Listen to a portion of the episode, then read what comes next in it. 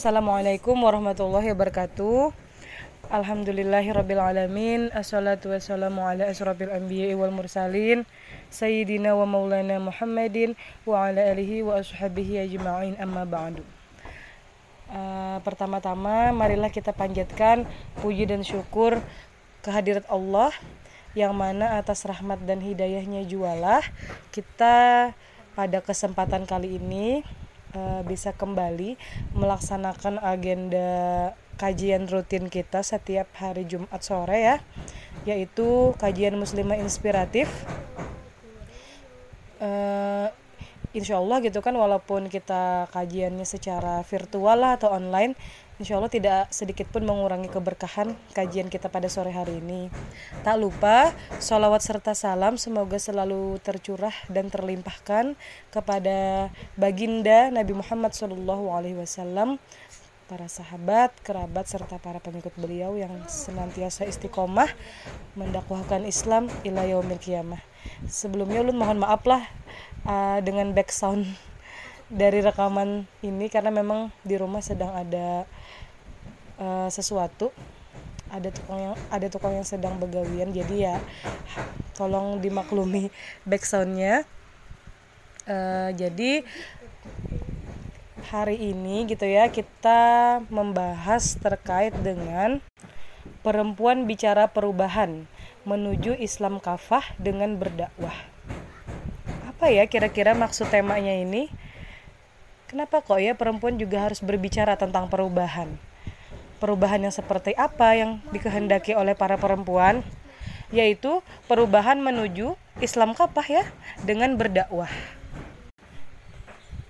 E, kalau kita flashback ke materi sebelumnya gitu ya, e, ternyata kalau kita lihat faktanya hari ini keadaan umat Islam itu sedang tidak baik-baik saja ya, begitu sangat memprihatinkan sempat ya disampaikan oleh Kak Fahima di pertemuan sebelumnya itu bahwa memang uh, kaum muslimin itu begitu dilanda oleh berbagai macam problematika ya. Ada yang melakukan riba gitu kan perzinahan lah uh, hamar itu seakan tidak apa-apa saja dikonsumsi gitu ya. Padahal jelas keharumannya di dalam Al-Qur'an. Kemudian kemiskinan juga melanda kaum muslimin. Kemudian ketidakadilan hukum ya. Perlakuan semena-mena penguasa terhadap rakyatnya gitu ya. Kemudian kaum muslimin itu terpecah belah di berbagai negeri kaum muslimin di luar sana gitu kan. Itu sungguh keadaan yang menunjukkan bahwa kaum muslimin itu sedang tidak baik-baik saja kenapa bisa terjadi demikian karena tadilah kaum muslimin itu uh, terjauhkan dari sistem Islam yang kafah tadi. Nah, makanya di sini perlu adanya uh, peranan dari uh, para pengaman dakwah untuk mengemban aktivitas dakwah itu sendiri. Tujuannya apa? Agar agar memang kita bisa menyuarakan perubahan perubahan ke arah penerapan Islam kafah tadi di tengah-tengah kaum muslimin dalam bingkai negara Islam gitu ya. Nah, maka dari itu gitu ya eh, kondisi seperti tadi tidak bisa kita biarkan begitu saja ya. Saatnya kita itu sebagai umat Islam gitu kan bangkit dari keterpurukan tadi. Caranya adalah dengan kembali pada Islam yang kafah dalam naungan khilafah maka di sini kita sebagai umat Islam baik itu laki-laki gitu ya ataupun perempuan karena di sini temanya um, berkaitan dengan perempuan gitu kan bicara perubahan maka kita sebagai seorang akhwat gitu ya atau perempuan di sini juga harus menyuarakan perubahan tadi untuk uh, kepentingan umat gitu ya untuk perubahan ya, yang lebih baik kepada umat. Nah, jadi di sini uh, yang perlu melakukan perubahan itu tidak hanya laki-laki ya, tapi juga para perempuan. Nah, yang mana gerakan perubahan ini uh, apa namanya tidak hanya menjadi tanggung jawab laki-laki ya, tapi juga per, para perempuan. Yang mana perempuan ini perannya itu adalah sebagai agen transformasi sosial yang dia itu punya uh, peran juga untuk mengubah masyarakat jahiliyah, jahiliyah ya menjadi masyarakat Islam. Jadi uh, berikan kontribusi terbaik kita gitu ya sebagai perempuan untuk melakukan perubahan ke arah penerapan Islam yang kafah tadi. Karena memang ah lewat de lewat berdakwah gitu ya. Karena yang namanya berdakwah itu adalah hukumnya wajib. Nah, nanti berikutnya di VN berikutnya ini adalah uh, landasan-landasan uh, dari kewajiban berdakwah. Nah, kewajiban berdakwah bagi laki-laki maupun perempuan muslim itu sudah Allah tetapkan di dalam Al-Qur'an yakni dalam surah An-Nahl ayat 125 Allah berfirman, "Suruhlah manusia kepada jalan Tuhanmu dengan hikmah dan pelajaran yang baik dan bantahlah mereka dengan cara yang baik." Sesungguhnya Tuhanmu, dialah yang lebih mengetahui tentang siapa yang tersesat dari jalannya, dan dialah yang lebih mengetahui orang-orang yang mendapat petunjuk. Kemudian dalam surah lain, Allah juga memerintahkan terhadap kewajiban dakwah ini, yaitu dalam surah At-Taubah ayat 71 yang artinya, dan orang-orang yang beriman, lelaki dan perempuan, sebahagian mereka adalah menjadi penolong bagi sebahagian yang lain. Mereka menyuruh atau mengerjakan yang ma'ruf, mencegah dari yang mungkar, mendirikan sholat, menunaikan zakat, dan mereka taat kepada Allah dan Rasulnya. Mereka akan diberi rahmat oleh Allah. Sesungguhnya Allah maha perkasa, lagi maha bijaksana. Kemudian di suatu hadis Rasulullah juga bersabda, yang mana hadis ini diri, diriwayatkan oleh Al-Bazar dan At-Tabrani yaitu hendaklah kalian benar-benar menyuruh perbuatan yang ma'ruf dan benar-benar melarang perbuatan yang mungkar. Atau bila tidak kalian lakukan Allah akan menjadikan orang-orang jahat di antara kalian berkuasa atas kalian semua. Yang akibatnya banyak sekali kejahatan dan kemungkaran diperbuatnya. Lalu orang-orang baik di antara kalian berdoa agar kejahatan dan kemungkaran itu hilang. Maka doa mereka, orang-orang baik itu tidak diterima. Nah, itulah tadi dalil-dalil yang mendasari tentang kewajiban berdakwah baik bagi laki-laki maupun perempuan muslim. Seyogyanya, ketika Allah memerintahkan suatu kewajiban di dalam Al-Quran ataupun sunnah gitu ya, itu seorang muslim harus bersegera melaksanakannya. Karena yang namanya kewajiban kalau tidak dilaksanakan itu akan mendapatkan dosa. Kalau dilaksanakan dia akan berpahala. Mudah-mudahan kita termasuk golongan hamba Allah yang sami'una wa ata'na. Kami mendengar dan kami taat. Artinya ketika kita mendengar seruan Allah dalam kewajiban berdakwah, kita mentaati perintah Allah tersebut. Amin ya rabbal alamin. Islam adalah agama dakwah. Artinya Islam itu harus disebarluaskan kepada seluruh umat manusia. Entah itu kepada sesama muslim ya ataupun ke kepada non muslim, maka dia harus disebarkan karena Rasul pun mencontohkan demikian. Kalimah la ilaha illallah atau tiada sesembahan selain Allah itu merupakan inti ajaran Islam sekaligus pendorong utama kegiatan dakwah. Karena kita memahami gitu ya, eh, di luar sana masih banyak yang sesembahannya itu bukanlah Allah Ta'ala. Maka di sana kita punya misi dalam dakwah kita ingin merubah keyakinan mereka bahwasanya yang harusnya mereka sembah hanyalah Allah.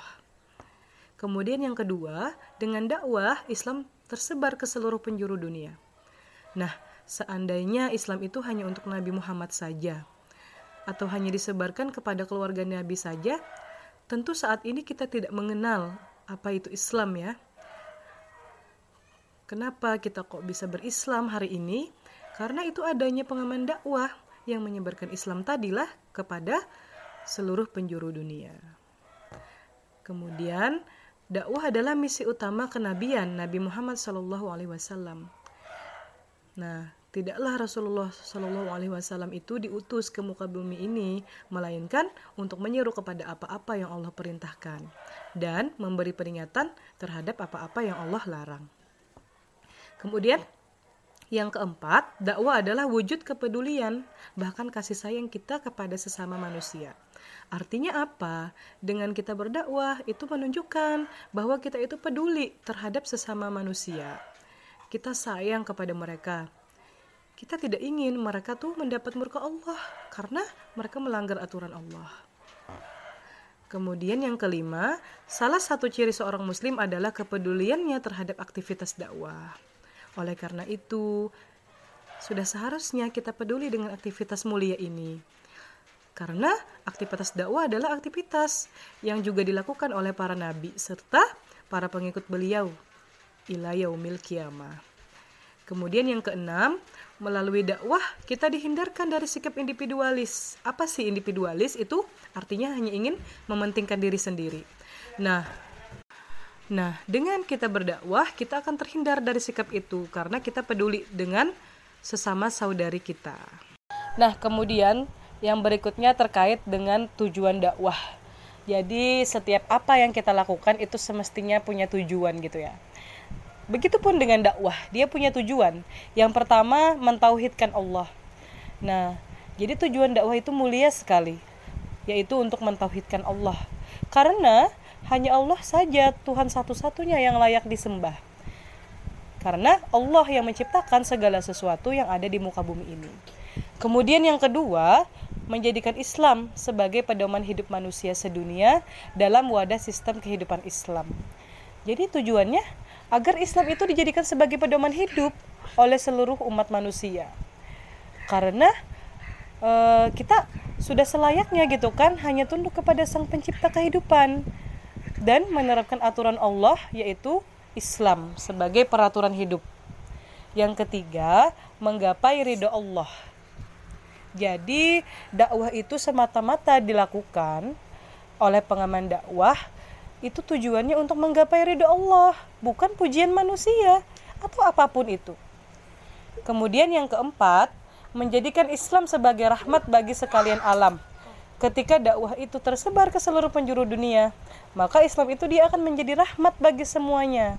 Tidak hanya bagi manusia, tapi seluruh alam semesta mendapatkan rahmat dari Allah Ta'ala. Problematika umat saat ini. Yang namanya problematika gitu ya. Artinya kan masalah-masalah yang dihadapi oleh umat saat ini. Yang pertama ukhuwah Islamiyahnya rendah. Uh, jadi persaudaraan Islam yang terjalin di antara kaum muslimin hari ini itu rendah. Karena disebabkan oleh sekat-sekat nasionalisme yang membuat kaum muslimin itu terpecah belah menjadi beberapa negara. Hari ini banyak dari mereka yang bahkan tidak peduli gitu ya atau acuh terhadap kondisi saudaranya di belahan negeri kaum muslim di luar sana. Bahkan bisa jadi di antara kita ada yang tidak tahu bagaimana kondisi saudara kita di luar sana. Bagaimana kebiadaban uh, kaum Zion, Zionis Israel gitu kan kepada bangsa Palestina, bagaimana kebiadaban Basar Asyad kepada rakyatnya di Suriah, kemudian penderitaan kaum muslimin di Myanmar dan sebagainya. kemudian yang kedua, kaum muslimin itu terpecah belah menjadi lebih dari 50 negara. Ya, karena sekat nasionalisme tadilah yang membuat kaum muslimin itu terpecah belah. Padahal dulunya kaum muslimin itu uh, dinaungi oleh sebuah negara atau bersatu dalam satu negara saja yaitu Daulah Khilafah Islamiyah. Kemudian masalah kaum muslimin yang lainnya yaitu kebodohan banyak dari kaum muslimin itu yang terpaksa harus putus sekolah, yang terpaksa tidak bisa mengenyam pendidikan karena mahalnya biaya pendidikan hari ini. Semakin semakin berkualitas pendidikan kita hari ini, semakin tinggi biaya yang harus dikeluarkan. Padahal sejatinya pendidikan itu adalah hak bagi setiap rakyat. Tapi hari ini pendidikan itu dijadikan ajang bisnis bagi uh, rezim hari ini. Kemudian masalah yang lainnya yaitu kemaksiatan.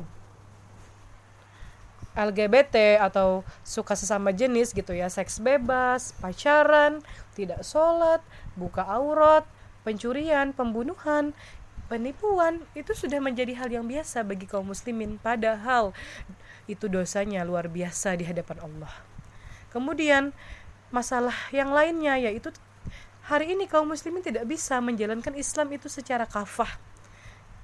Menjalankan aturan Islam secara menyeluruh. Islam yang aturannya itu begitu sempurna, mempunyai aturan hidup yang lengkap, kini tidak bisa kita terapkan secara menyeluruh. Islam hari ini itu hanya hadir pada aspek jadi Islam hari ini itu hadir hanya pada aspek ibadah ritual saja, pernikahan, perceraian, zakat, haji. Tidak diterapkan secara menyeluruh. Padahal Islam itu mengatur perkara antara uh, individu dengan Allah perkara antara manusia dengan dirinya sendiri antara sesama manusia jadi lengkap aturan Islam itu tapi hari ini hanya sebatas yang ulun sebutkan tadi saja kemudian masalah fatal yang lainnya adalah kaum muslimin hari ini dijajah di bawah pengaruh negara adidaya. Siapa sih negara adidaya hari ini? Yaitu Amerika Serikat gitu ya. Cina. Nah Indonesia sendiri contoh nyata negeri yang masih terjajah. Dari sisi pembuatan aturan dan kebijakan banyak sekali undang-undang di negeri ini yang didek didektekan oleh pihak asing. Di antaranya melalui LOI dengan IMF banyak utang yang sesungguhnya menjadi alat penjajahan dialirkan ke Indonesia oleh berbagai lembaga donor, baik IMF, Bank Dunia, ABD, USAID, dan sebagainya. Perubahan konstitusi negeri ini pun tak lepas dari peran dan campur tangan asing. Banyak dari undang-undang itu disponsori, bahkan draft atau rancangannya itu dibuat oleh pihak asing. Di antaranya melalui program utang, bantuan teknis, dan lainnya. Akibatnya lahir banyak undang-undang dan kebijakan pemerintah yang bercorak neoliberal. Yang mana itu lebih banyak menguntungkan asing dan swasta serta merugikan rakyat banyak. Undang-undang bercorak liberal itu hakikatnya melegalkan penjajahan baru atau neo-imperialis atas negeri ini karena itu ya meskipun sudah 70 tahun in, tuju, maaf maksud ulun 74 tahun Indonesia merdeka negeri ini masih banyak bergantung pada Amerika Serikat dan Cina. Kemudian masalah yang lainnya lagi yaitu kemiskinan. Jadi fakta menunjukkan bahwa Indonesia adalah negeri keempat termiskin di dunia. Ternyata negeri mayoritas muslim ini masih sangat berkekurangan dalam memenuhi kebutuhan hidupnya begitu begitupun di belahan negeri kaum muslimin lainnya masih banyak saudari kita yang menderita dalam kemiskinan. Nah, jadi deklah kakak menyambung ke PPT yang berikutnya terkait dengan dakwah masa kini. Jadi dakwah masa kini itu harus dakwah yang seperti apa sih kayak gitu ya? Agar memang uh, yang namanya problematika umat itu mampu terselesaikanlah dengan dengan baik gitu kan sampai ke akar-akarnya itu bisa terselesaikan. Jadi yang pertama, kita e, dakwah itu harus mengarah pada penyelesaian problematika utama. Jadi, problematika utama umat hari ini tuh apa sih gitu kan? Apakah kemiskinan gitu ya ataukah mm, terpecah belah kaum muslimin hari ini kemudian masih dijajah? Apakah hanya sekadar itu? Itu semua kan terjadi karena akibat hukum Islam itu tidak diterapkan secara total. Sehingga di dalam pengaturan kehidupan umat hari ini uh, umat itu hari ini tidak diatur dengan aturan Islam dalam pengaturan hubungan antar sesama masyarakat. Sehingga apa yang terjadi ketika Islam itu ditinggalkan oleh mereka dalam pengaturan hubungan masyarakat, maka yang terjadi adalah banyak hal adalah dan itu akan merusak manusia itu sendiri karena dia meninggalkan hukum Allah. Jadi misalnya pada perkara nih ya ada kasus misalnya pencurian atau korupsi kan untuk memberikan mereka sanksi itu bukan hukum Islam yang diberlakukan lah lebih-lebih lagi di Indonesia sekarang. Sehingga sanksi yang diberikan kepada mereka itu tidak menjerakkan kepada mereka. Akhirnya kan kasus pencurian itu kasus pencurian itu sehingga kasus pencurian itu terus menerus terjadi sampai hari ini. Belum lagi kalau kita melek berita di TV ya atau di sosmed. Kalau kita melek ya berita di televisi atau di sosmed itu kan luar biasa hari ini ya hampir setiap hari kasus narkoba ya kasus korupsi dan sebagainya. Nah itu yang terjadi. Karena tadi uh, Islam itu jauh dari umat hari ini. Yang diterapkan adalah sistem buatannya manusia yaitu yaitu sistem demokrasi. Yang mana sistem ini memang membuat manusia itu sebebas-bebasnya. Bebas berperilaku adalah bebas beragama berpendapat gitu kan. Itu yang terjadi akhirnya uh, kerusakan moral itu di mana-mana gitu kan. Karena memang uh, tadi ya tidak diterapkan Islam itu secara menyeluruh dalam kehidupan umat hari ini. Sehingga umat itu memang merasa asing dan terjauhkan dari Islam tadi. Akhirnya bertingkah laku yang sebebas-bebasnya lah mereka. Ketika melakukan apa namanya suatu perbuatan yang memang melanggar aturan agama mereka ya merasa biasa-biasa aja hari ini itu. Nggak merasa yang takut berdosa besar gitu enggak kalau kita lihat ya fakta pada umat hari ini. Jadi memang dakwah tadi itu harus harus mengarahlah pada penyelesaian problematika utama. Jadi bagaimana caranya dakwah ini adalah kita memberikan solusi kepada umat hari ini. Uh, jadi solusinya itu misalnya harus kembali kepada aturan Allah. Karena kan tadi masalahnya umat itu tidak menerapkan Islam secara total dalam kehidupan. Jadi dakwah yang harus digencarkan hari ini memang mengajak umat, mengajak umat untuk uh, menerapkan Islam itu kembali ke tengah-tengah kehidupan mereka. Kemudian harus dilakukan secara berjamaah atau jama' jamaian dan bersifat politis atau sia-sian karena inti dari problematika umat adalah persoalan politik. Jadi dakwah ini berat deh lah kalau dilakukan secara sendiri aja ibarat kata susah menyebar luasnya kalau hanya dilakukan sendirian selain itu kan juga Allah itu juga di dalam surah Al Imran ayat 104 itu Allah memerintahkan agar kita itu berdakwahnya secara berjamaah nah karena juga perintah Allah kemudian dakwahnya juga bersifat politis karena kan inti dari permasalahan umat hari ini adalah pada aspek politisnya. Nah, pada sistem uh, pengaturan kehidupan bermasyarakatnya. Jadi memang arah pembicaraan dakwahnya itu harus politis, harus membuat umat itu sadar gitu kan bahwa mereka itu sedang dilanda persoalan politis dan mereka harus kembali kepada sistem Islam yang mana sistem Islam di sini juga mengatur perkara politik, pemerintahan, pendidikan dan sebagainya. Jadi Islam itu punya solusi. Nah, kemudian terhadap problematika aktual yang menyangkut kemaslahatan umat harus dilakukan tabani atau penjelasan khusus bagaimana solusi nyata atas problem tersebut. Nah, jadi kan e, dakwah itu juga dia nanti memberikan solusi nyata atas problem yang terjadi di suatu negeri. Misalnya adalah ada kenaikan harga BBM misalnya. Jadi kita menawarkan juga tuh solusi kepada solusi Islam itu bagaimana menanganinya kepada umat nanti kita menawarkannya. Kemudian kepada kita juga mengingatkan kepada penguasa kita jangan sampai nantinya e, menzolimi rakyat gitu kan dengan menaikkan harga BBM misalnya nah itu atau atau misalnya kasus-kasus terbaru ya yang terlebih lagi tentang COVID-19, COVID-19 ini. Nanti ditawarkan di dalam dakwah itu bagaimana sih Islam menangani virus gitu kan atau wabah gitu kan. Karena dulu pada zaman peradaban Islam pun juga rakyatnya itu ada yang terkena virus. Maka di sana uh, ada peran khalifah gitu kan atau pemimpinnya negara Islam di sana menangani e, bagaimana cara menangani wabah tersebut.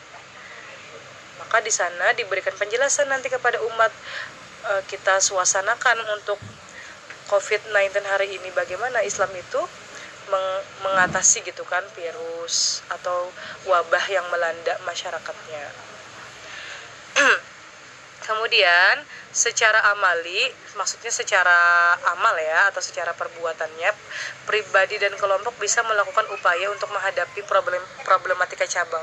Problematika cabang itu apa sih hari ini?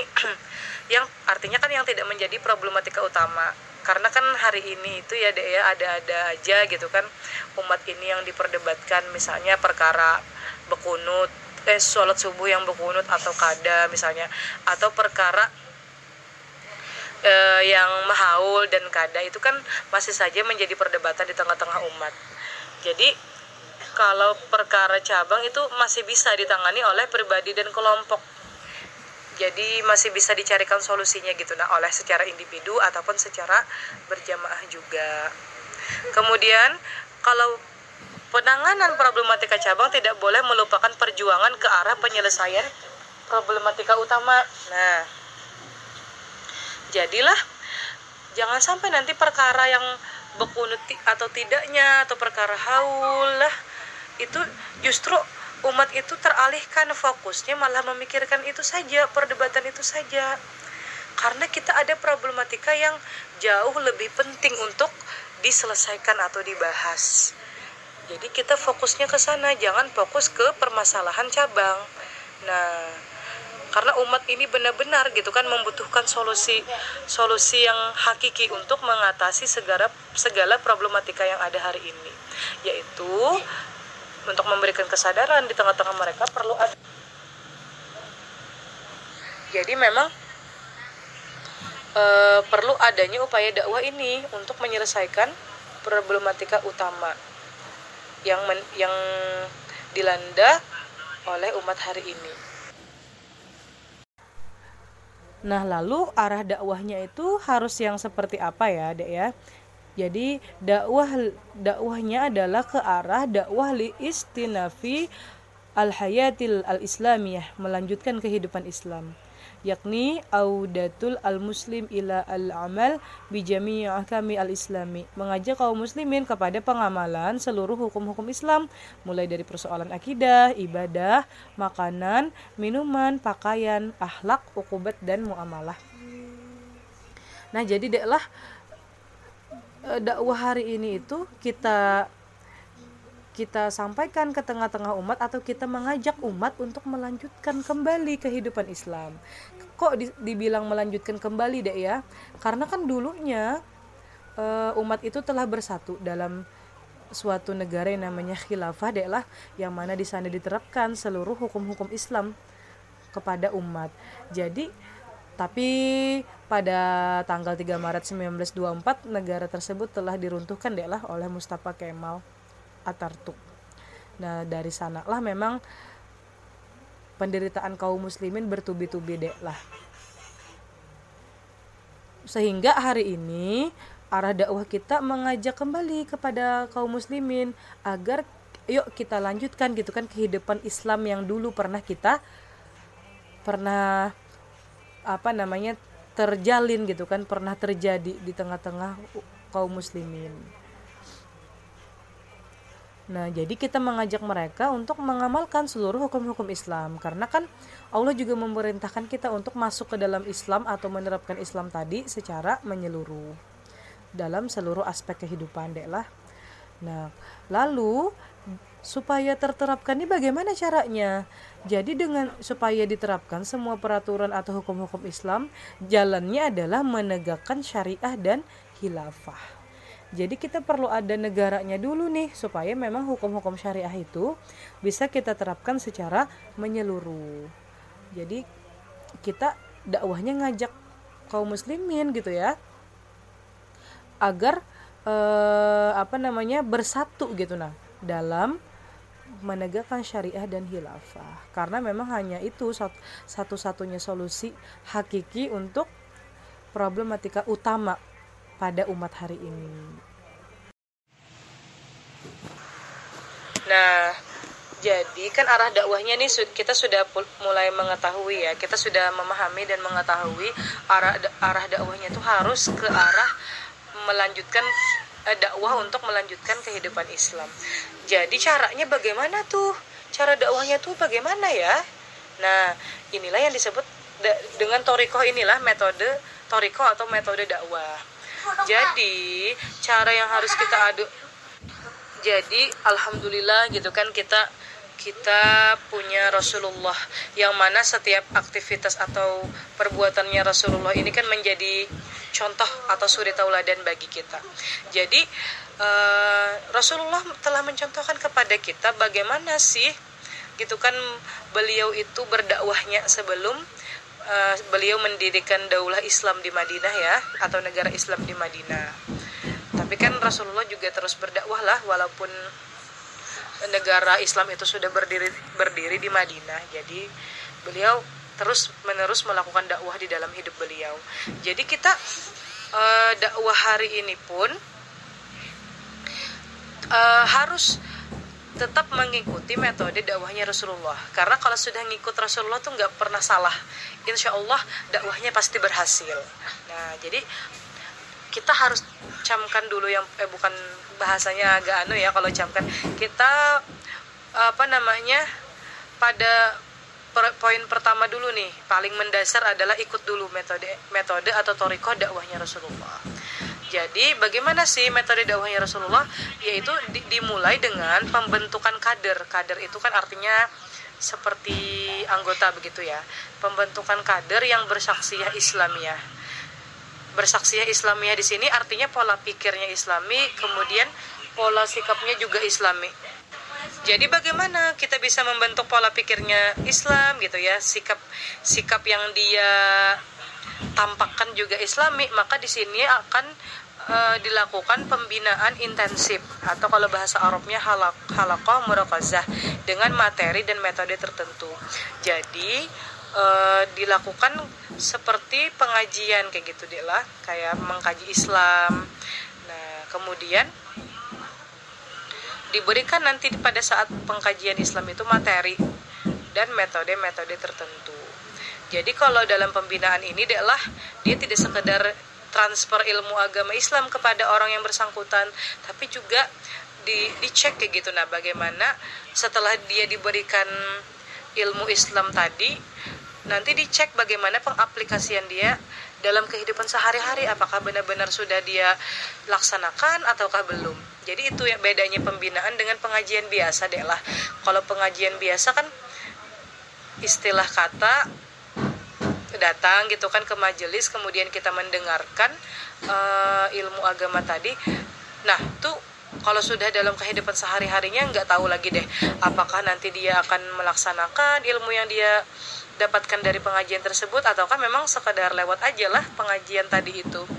Itu bedanya pembinaan dengan pengajian pengajian biasa. Jadi kalau dibina itu memang kita betul-betul apa ya istilah kata uh, di cross check gitu kan apakah memang sudah selaras nih apa yang sudah dikaji ke uh, tentang ilmu Islam tadi lah selaras dengan arah berpikir dan perbuatannya atau belum sama dengan yang dilakukan Rasulullah pun seperti itu kemudian Kemudian yang kedua, pembinaan umat atau taskib jama'i untuk terbentuknya pendapat masyarakat al-wa'yu al-am tentang Islam. Jadi uh, umat umat juga dibina ya, umat juga diberikan. Jadi, deklah kalau pembinaan atau halakah murokazah tadi mungkin skalanya apa ya istilah kata tuh berkelompok gitu deh lah. Misalnya dalam satu kelompok itu ada lima orang. Tapi kalau pembinaan umat di sini artinya kan umat secara umum. Bisa jadi memang dalam skala jumlah umat yang besar nanti dilakukan pembinaan ini. Misalnya lewat tablik akbar misalnya lah uh, dakwahnya itu disampaikan lewat tablik akbar atau seperti training-training gitu kan training keislaman. Nah kenapa perlu dilakukan seperti itu? Agar memang umat juga agar memang memang semakin cepat gitu kan dukungan umat ini terhadap tidak hanya bahkan kalau kita harapkanlah umat tidak hanya sekedar mendukung tapi turut memang berjuang dalam uh, perjuangan dakwah Islam tadilah yang untuk melanjutkan kehidupan Islam. Supaya memang terbentuk pendapat pendapat masyarakat tentang Islam.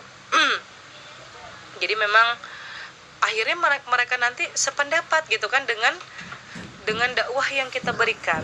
Oh iya ya Astagfirullahaladzim. Jadi nanti tujuannya ya agar terbentuk pendapat di tengah-tengah masyarakat itu tentang Islam. Oh iya ya hari ini ternyata hukum Islam itu tidak diterapkan secara menyeluruh. Ternyata pro problematika eh, kok banyak masalah hari ini yang terjadi di tengah-tengah kita. Oh ternyata Islam tuh tidak diterapkan ya secara total dalam kehidupan kita. Jadi mereka akhirnya membuat apa bukan membuat ya mereka akhirnya sependapat gitu kan dengan dakwah yang kita sampaikan kemudian pembentukan kekuatan politik melalui pembesaran tubuh jamaah atau tan tanmiyatu izmi al hizb yang membuat kegiatan pengkaderan dan pembinaan umum dapat dilakukan dengan lebih intensif hingga terbentuk kekuatan politik. Jadi nantilah ketika umat itu uh, dibe, bukan diberikan dakwah lah bahasanya. Ketika kita dakwah itu tengah sampai gitu kan kepada umat maka kita juga akan mengajak mereka gitu kan untuk bergabung bersama-sama mereka bersama-sama para pengemban dakwah yang telah telah dulu masuk dalam perjuangan dakwah Islam ini. Sehingga di sini terjadilah pembesaran tubuh jamaah dakwah tadi. Sehingga kekuatan politiknya semakin besar. Nah itu ding mohon maaf ding lah di sini ada keponakan jua yang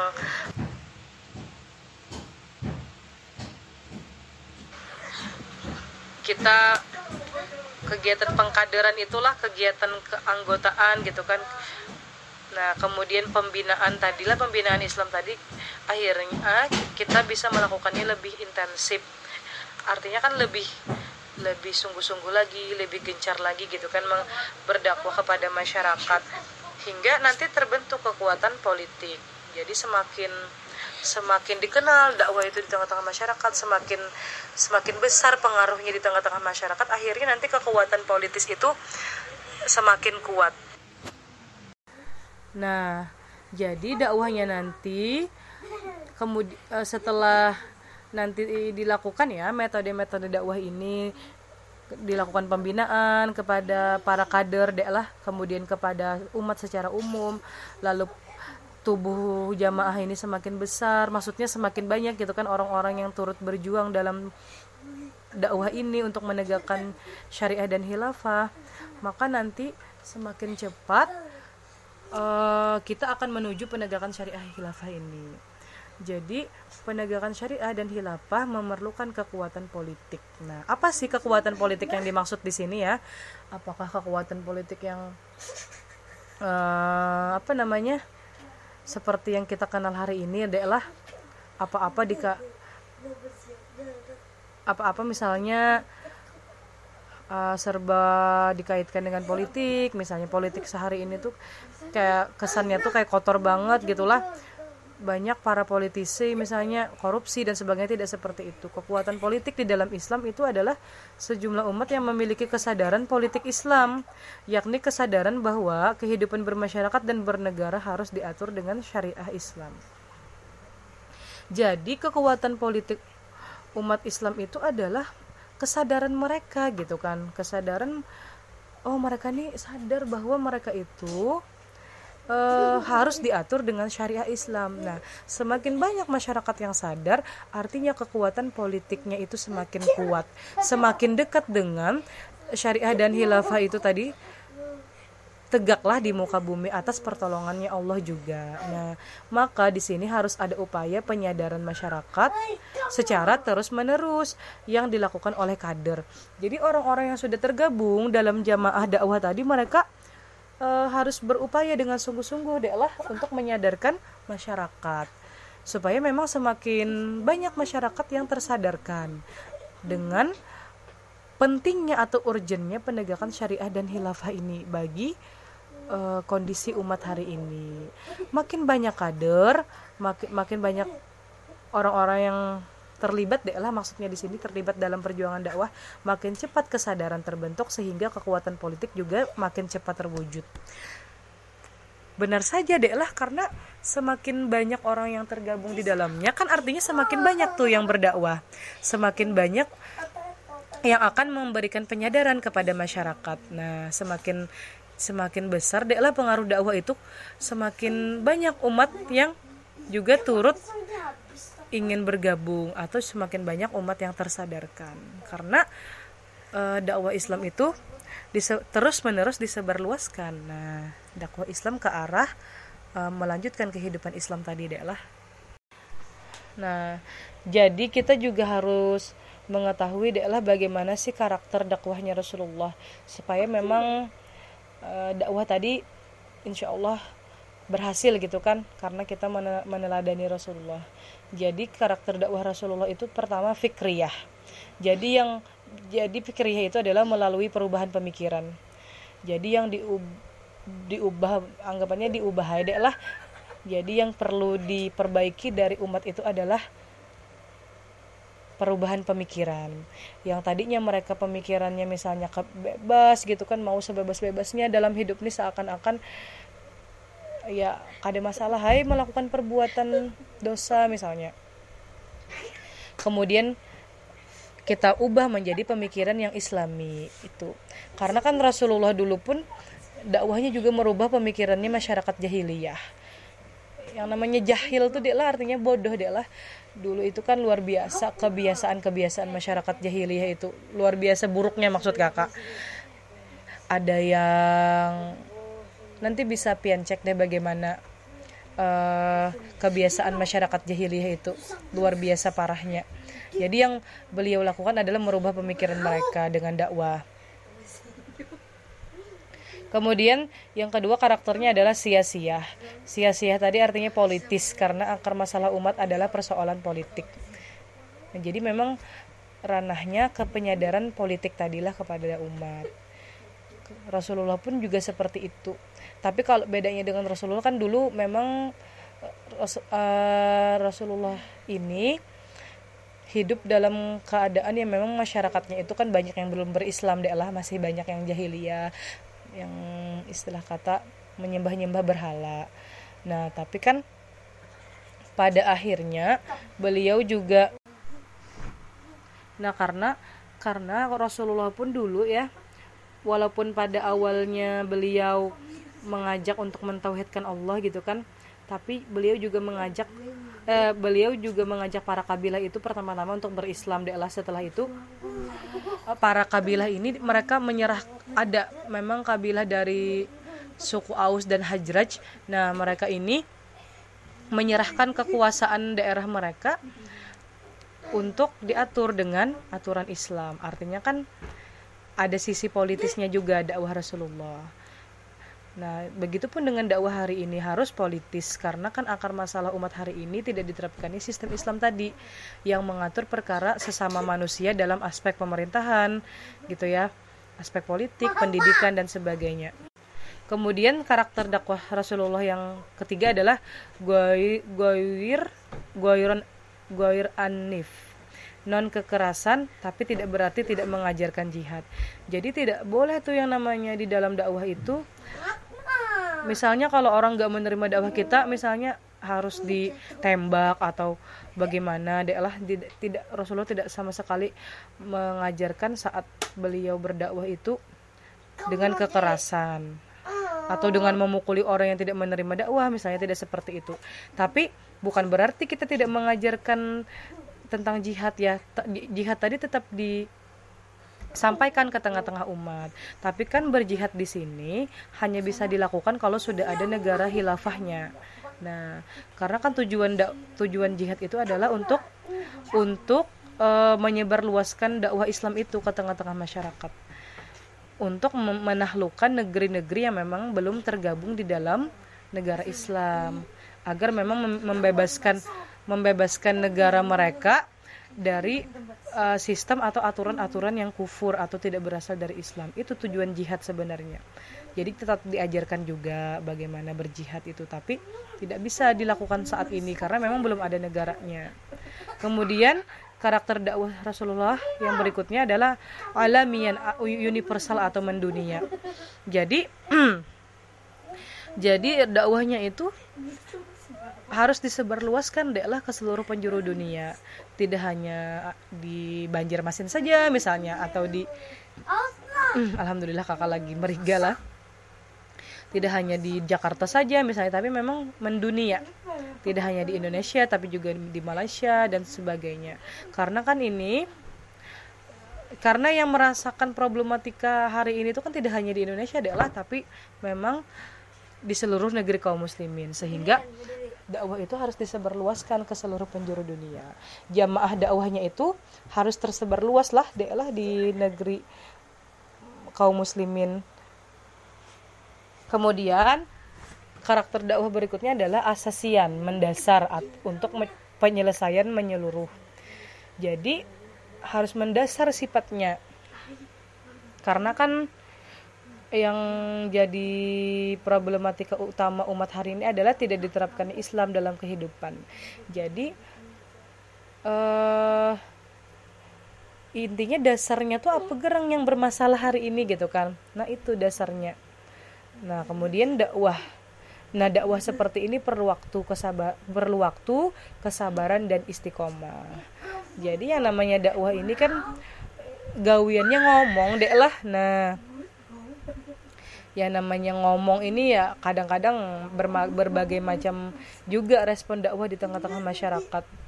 Jadi memang perlu waktu. Tidak sebentar memang. Rasulullah saja kan berdakwah selama 13 tahun lamanya gitu kan. Sekelas Rasulullah atau dek lah apalagi kita yang manusia biasa ini jadi per, memang perlu waktu. Kita juga harus sabar gitu kan terhadap ujian-ujian dakwah dan yang paling penting adalah istiqomah. Kita tetap tetap dan terus menerus mendakwahkan Islam sampai akhir hayat insya Allah Islam kembali tegak. Islam didakwahkan ke tengah-tengah masyarakat sebagai ideologi tanpa kekerasan dan diterapkan sebagaimana dicontohkan Rasulullah Shallallahu Alaihi Wasallam. Jadilah Islam itu uh, dia didakwahkan tanpa kekerasan.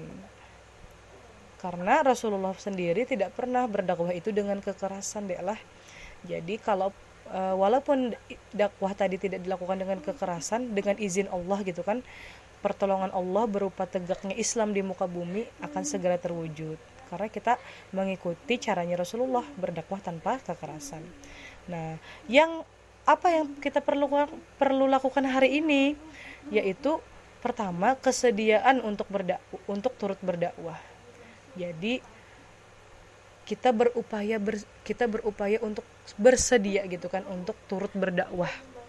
Karena tidak ada upaya lain deh untuk uh, istilah kata itulah menyelesaikan problematika umat hari ini selain dengan cara berdakwah. Karena dakwah itu juga aktivitasnya para nabi juga deh lah. Rasulullah juga mengajarkan berdakwah para sahabat nabi juga berdakwah. Jadi ketika kita berdakwah kita kita turut kita sama halnya beraktivitas seperti uh, Rasulullah dan para sahabat. Kemudian juga kaum muslimin terdahulu lah nah kenapa kita harus sedia untuk berdakwah? Karena dakwah tadi adalah kewajiban. Nah wajib deh lah uh, bagi setiap muslim. Dan amal yang sangat mulia. Jadi masya Allah gitu kan istilahnya omongan siapa sih yang lebih baik daripada seorang pendakwah gitu kan? Karena dia merupakan amal perbuatan yang sangat mulia. Sekaligus amat penting amat sangat penting untuk menegakkan kembali izul atau kemuliaan Islam lah wal wal wal muslimin. Nah jadi uh, apa namanya penting sekali dakwah tadi untuk menegakkan kejayaan Islam lah Kemudian dakwah bisa dilakukan di mana pun dan kapan pun Anda berada sesuai dengan kemampuan. Jadi apa yang bisa kita berikan untuk dakwah bisa atau per, harus kita lakukan. Di mana pun kita berada, kapan pun kita di sana ada peluang dakwah maka harus kita laksanakan. Terlebih lagi lah misalnya di masa COVID-19 sekarang, di masa pandemi sekarang gitu kan, kan tidak memungkinkan tuh kita uh, berdakwah secara bertatap muka lah apalagi yang misalnya kawasannya sedang zona hitam atau zona merah maka masih tetap bisa kita berdakwah. Alhamdulillah kita sekarang dipermudah dengan sosmed, eh dengan sosmed, dengan teknologi yang canggih. Maka tidak ada alasan bagi kita untuk tidak berdakwah. Dakwah masih bisa kita lakukan dengan uh, kecanggihan teknologi hari ini. Walaupun memang kondisi hari ini belum memungkinkan untuk secara ber, bertatap muka secara langsung atau berbicara secara langsung kepada umat. Jadi kemampuan harus ditingkatkan melalui pembinaan. Jadi bag, bagaimana agar lancar nih ya dek ya dakwahnya? Misalnya misalnya kita ada alasan alasan nih misalnya aduh kada mampu kai berdakwah misalnya ilmu ulun masih kurang. Nah maka ikutlah di sini pembinaan agar agar apa namanya uh, kita semakin meningkat gitu kan pemahaman Islam kita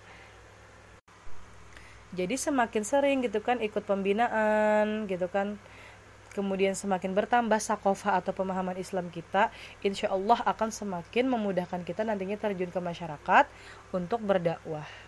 Nah, jadi sebenarnya tidak ada alasan gitu kan untuk kita tidak bersedia untuk berdakwah.